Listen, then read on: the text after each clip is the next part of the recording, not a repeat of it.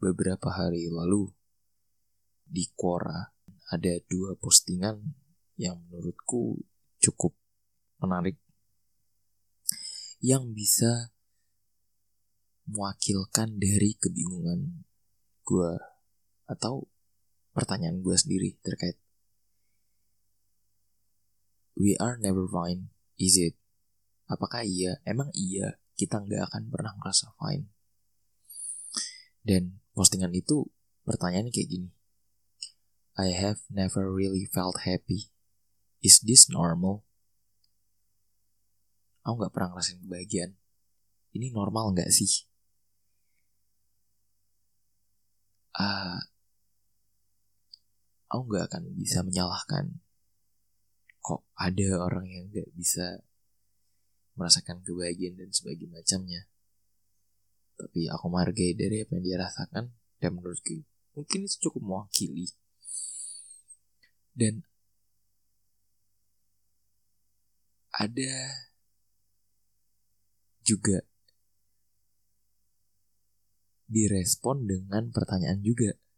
Seperti, what is that feeling called when you are neither happy nor sad and wish to be alone? Ini postingan yang keduanya. Dan postingan keduanya ini direspon, the feeling is called numbness. I read this from an article, it explained the way I feel as well. Dia bilang perasaan itu kalau di bahasa Inggrisnya disebut dengan numbness. Numb itu bisa dijelaskan sebagai mati rasa, kebas, atau ya ya udah kayak flat aja. Nah, dan dia ngejelasin lebih panjang tuh dengan bahasa Inggris. Feeling numb for me resembles a time dan sebagai macamnya ya mungkin nanti kalian bisa ngeliat itu di kuoranya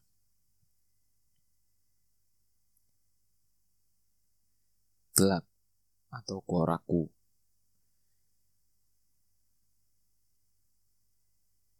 nah di situ dia menjelaskan merasa mati rasa itu saat aku butuhkan waktu untuk sangat menginginkan banyak hal Aku sangat ingin untuk menjadi aktif dan berkontribusi dengan banyak orang dan dunia. Dan apa yang kurasakan dan aku ingin juga bisa menunjukkan apa dari diriku sendiri. Tetapi aku sendiri pun juga terjebak di kondisiku yang ada saat ini.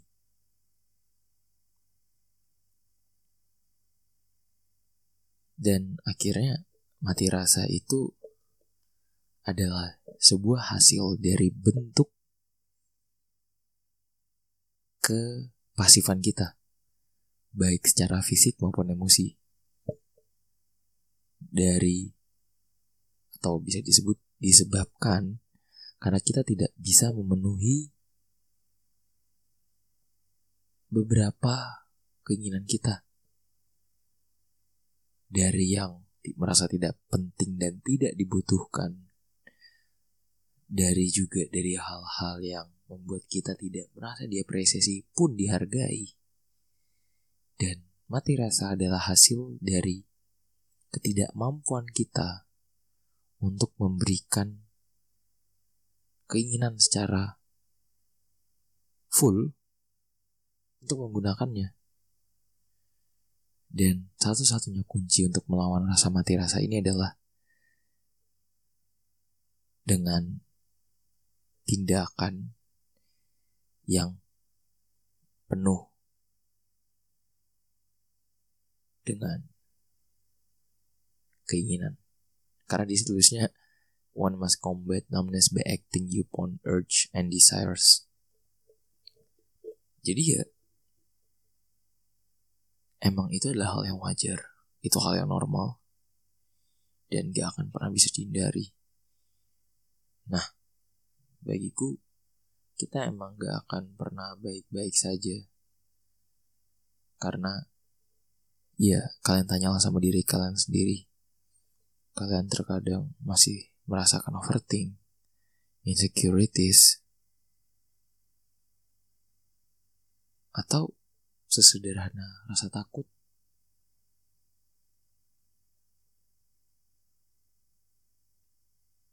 Dan sebelum kita bahas lebih jauh. Postingan pertama itu mendapatkan respon yang cukup positif dari beberapa orang. Dan ada satu respon yang sangat-sangat luar biasa bagiku. Intinya, dia menanyakan, I would want to know what you mean by happy. Do you expect to feel joyful all the time? Aku ingin tahu sebenarnya apa sih yang kamu artiin kebahagiaan? Apakah kamu ingin merasakan hal-hal yang selalu membuatmu nyaman atau senang atau mungkin kita bisa tangkap sebagai dopamin ya ya karena yang diekspresikan di sini adalah bergembira joyful. Dan tambahan dari beberapa kata-katanya adalah no one does. Gak ada yang merasakan kebahagiaan. Jika duniamu hanya dipenuhkan at maaf jika duniamu hanya dipenuhi dengan kegembiraan. Dan kamu tidak akan bisa mendapatkan momen-momen gembira. Dan aku spekulasikan kamu menunjukkan untuk yang bertanya memiliki depresi dan sebagainya macamnya. Dan satu kata simpel yang menurutku itu sangat-sangat keren adalah we are humans imperfect beings dalam kurung living on this earth an imperfect world. So we can't expect what I would call true happiness ya kita manusia itu nggak sempurna yang hidup di dunia bahkan juga nggak sempurna dan itu omong kosong saat ada seseorang yang berharap bahwa dia bisa atau ingin mendapatkan kebahagiaan yang nyata. Apa sih kebahagiaan yang nyata itu? Apa sih kebahagiaan yang utuh? Tetapi bukan berarti kita tidak bisa merasakan momen-momen kegembiraan. Kita tetap bisa kok merasakan dunia ini secara utuh serta seisinya. Kita juga bisa mendapatkan momen kegembiraan, tapi itu bukan berarti menjadi tujuan. dari situ sih jadi kebayang gak sih kayak apa sih fine itu menurutku fine. Itu bukan berarti kita baik-baik saja. Karena gini pasti kalian sering atau ya mungkin juga kalian bahkan sering merespon. Kamu gimana? How are you? And jawabannya adalah I'm okay. But the fact it doesn't look like that malah. Faktanya berkata sebaliknya kamu ternyata nggak baik-baik aja. Tapi kita berusaha tetap terlihat fine. Ya karena kita nggak pengen orang paham dengan apa yang terjadi. Kita nggak pengen orang tahu apa yang terjadi dengan kita. Cuman itulah yang jadi masalahnya. Karena ternyata terkadang itu tercampur dengan rasa denial dari masing-masing individu atau masing-masing manusia. Dan menurutku,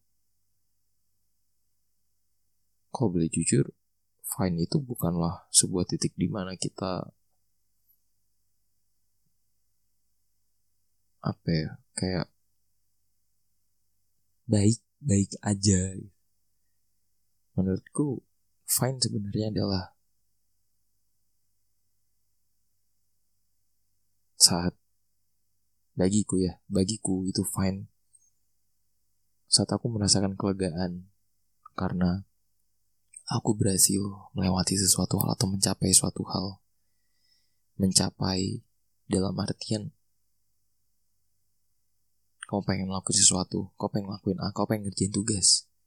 Tapi kamu awalnya nunda nih, dan saat deadline datang kamu akhirnya menyelesaikan bukan masalah deadline atau gimana tapi rasa saat kamu bisa menyelesaikan tanggung jawabmu itu ada rasa kelegaan sedikit tidak banyak.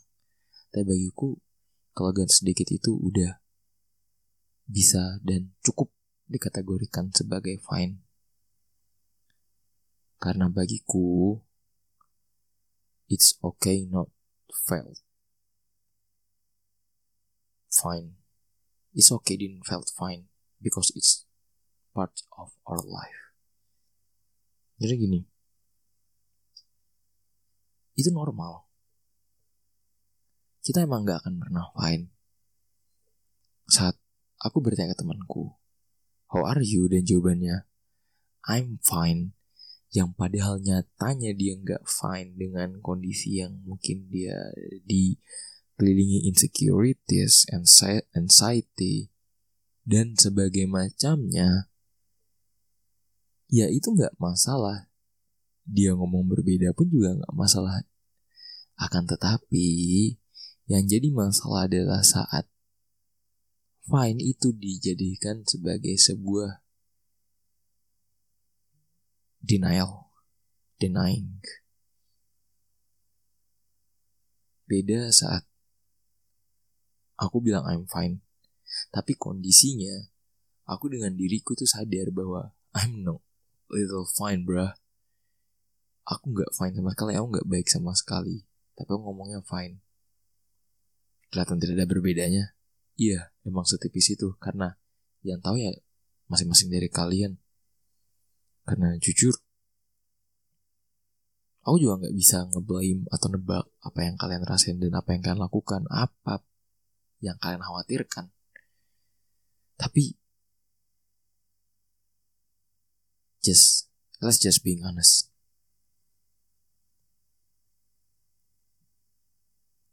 Aku bukan siapa-siapa. Dan kamu juga gak perlu jujur ke siapa-siapa.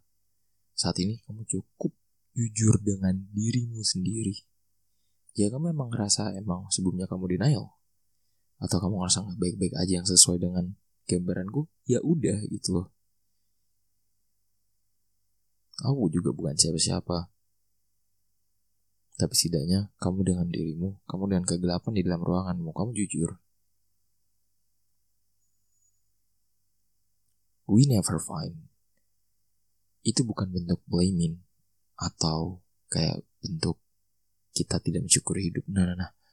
We never find itu sebagai bentuk menerima kita mengakui bahwa kita nggak akan pernah fine, kita akan, akan selalu chaos. Dan ya emang itu hidup. Seperti kata-kata yang di Quora tadi, manusia itu tidak sempurna yang hidup di dunia yang tidak sempurna. Bumi itu juga tidak perfect.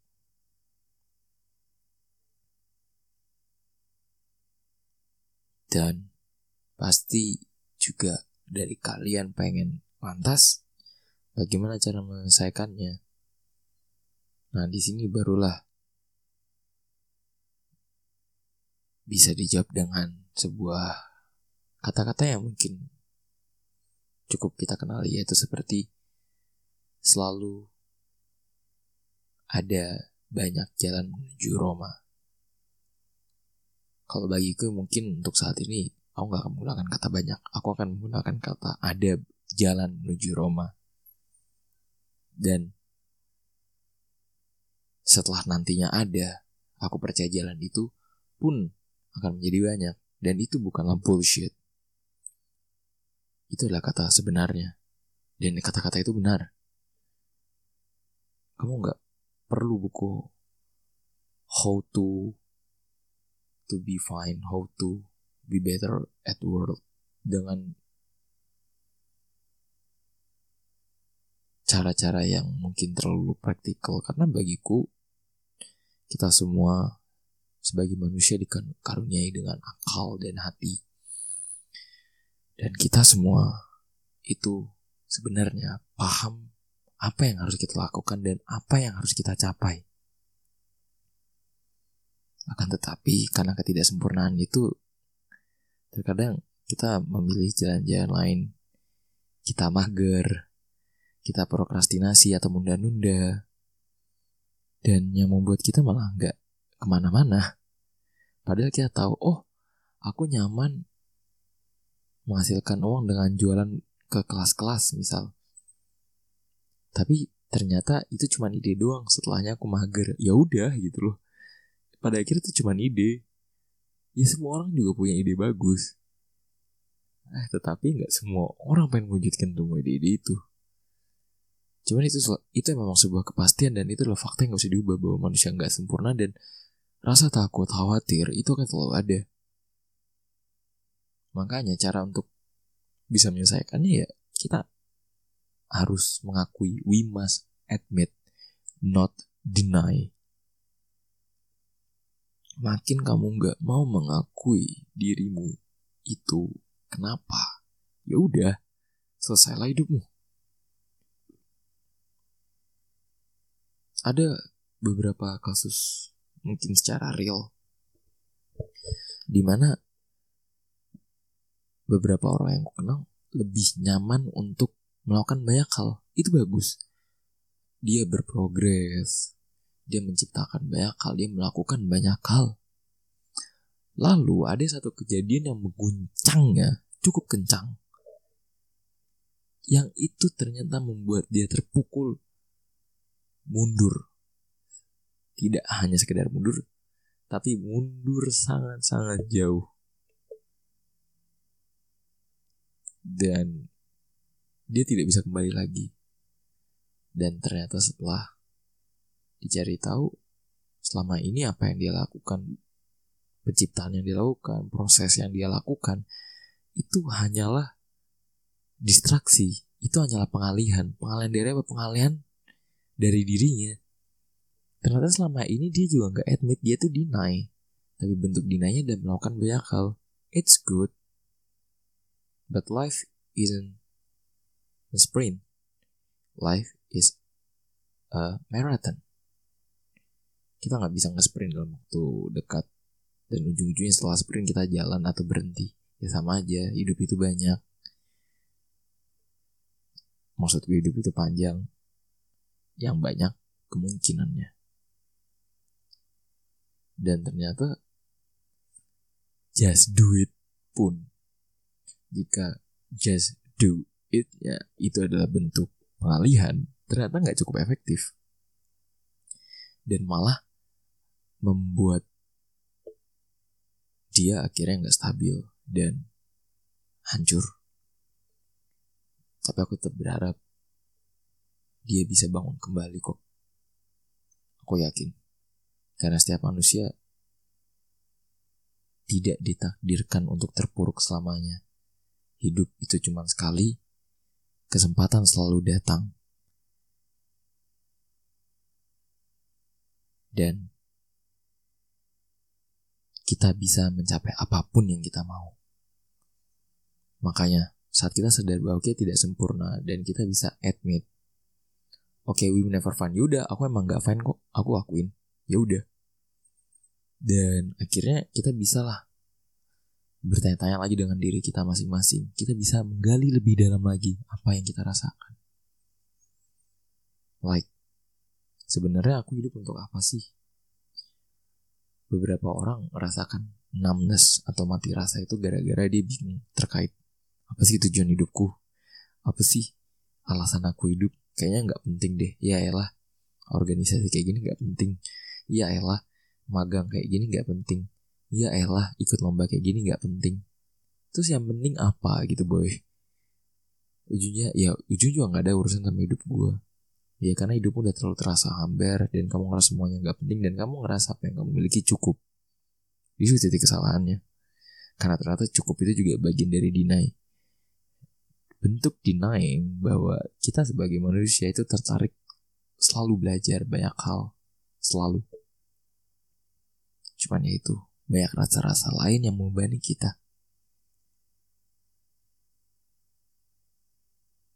Nah terkait goals atau tujuan hidup menurutku ya kita semua pasti punya kita punya tujuan yang besar dan itu hampir tidak mungkin.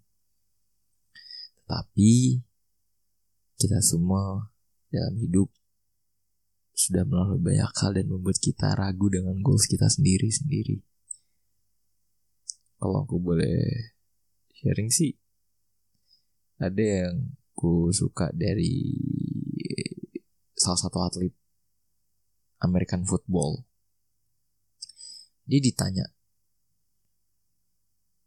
oh sebelumnya konteksnya dia itu punya gelar juara itu cukup banyak bisa dibilang udah ada total 4 atau 5 gitu nggak salah. Nah, sebelum dia mau menangi yang kelima, dia ditanya, apa eh kapan piala terbaikmu? Dan jawaban dia, the next one. Dan saat aku dengar jawaban itu, itu jawaban yang paling luar biasa. Saat yang kau pedulikan cuma goalsmu untuk menjadi yang terbaik, kamu gak akan nyerah dan kamu gak akan berhenti atau sibuk mengenang masa-masa kejayaan itu yang berlalu. Karena orientasinya goals, ya udah, just for goals sake. Gak peduli dengan hal yang lain, gak peduli dengan yang masa lalu. Bagiku, the past is the past. Ya masalahnya udah apa yang kita lalui ya udah gitu loh. Dan the future is a mystery. And today is a gift. That's why it's called present. Karena itu dia yang patut kita syukuri. Dan setiap harinya kita harus sadar bahwa hidup itu cuma sekali bukan berarti hidup itu cuma sekali kamu itu nyerah enggak dong. Lihatlah hidup itu lebih luas lagi yang membuatmu sadar bahwa hidupmu cuma sekali dan cukup sayang jika kamu melewati banyak hal kesempatan untuk menggapai apa pun yang kamu inginkan. Aku juga berada di masa-masa itu. Ya karena sendiri podcast yang terakhir 2019 tahu-tahu 2021 like what the fuck dude? What happened ya itu juga terjadi di aku. Dan kenapa aku lakuin lagi? Padahal dulu momentum-momentumnya bagus. Ya udah itu udah lewat. Aku nggak bisa ngapa-ngapain dengan apa yang udah lewat di masa lalu. Yang bisa aku lakukan sekarang adalah apa yang terbaik untuk saat ini. Dan aku akan melakukan apa pun yang aku bisa untuk bisa menggapai ini semua lagi. Dan akhirnya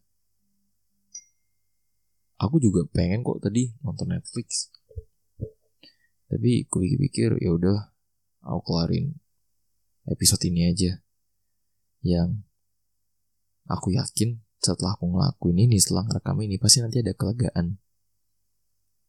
Dan menurutku kegembiraan itu bukanlah fine. Joyful isn't a fine state.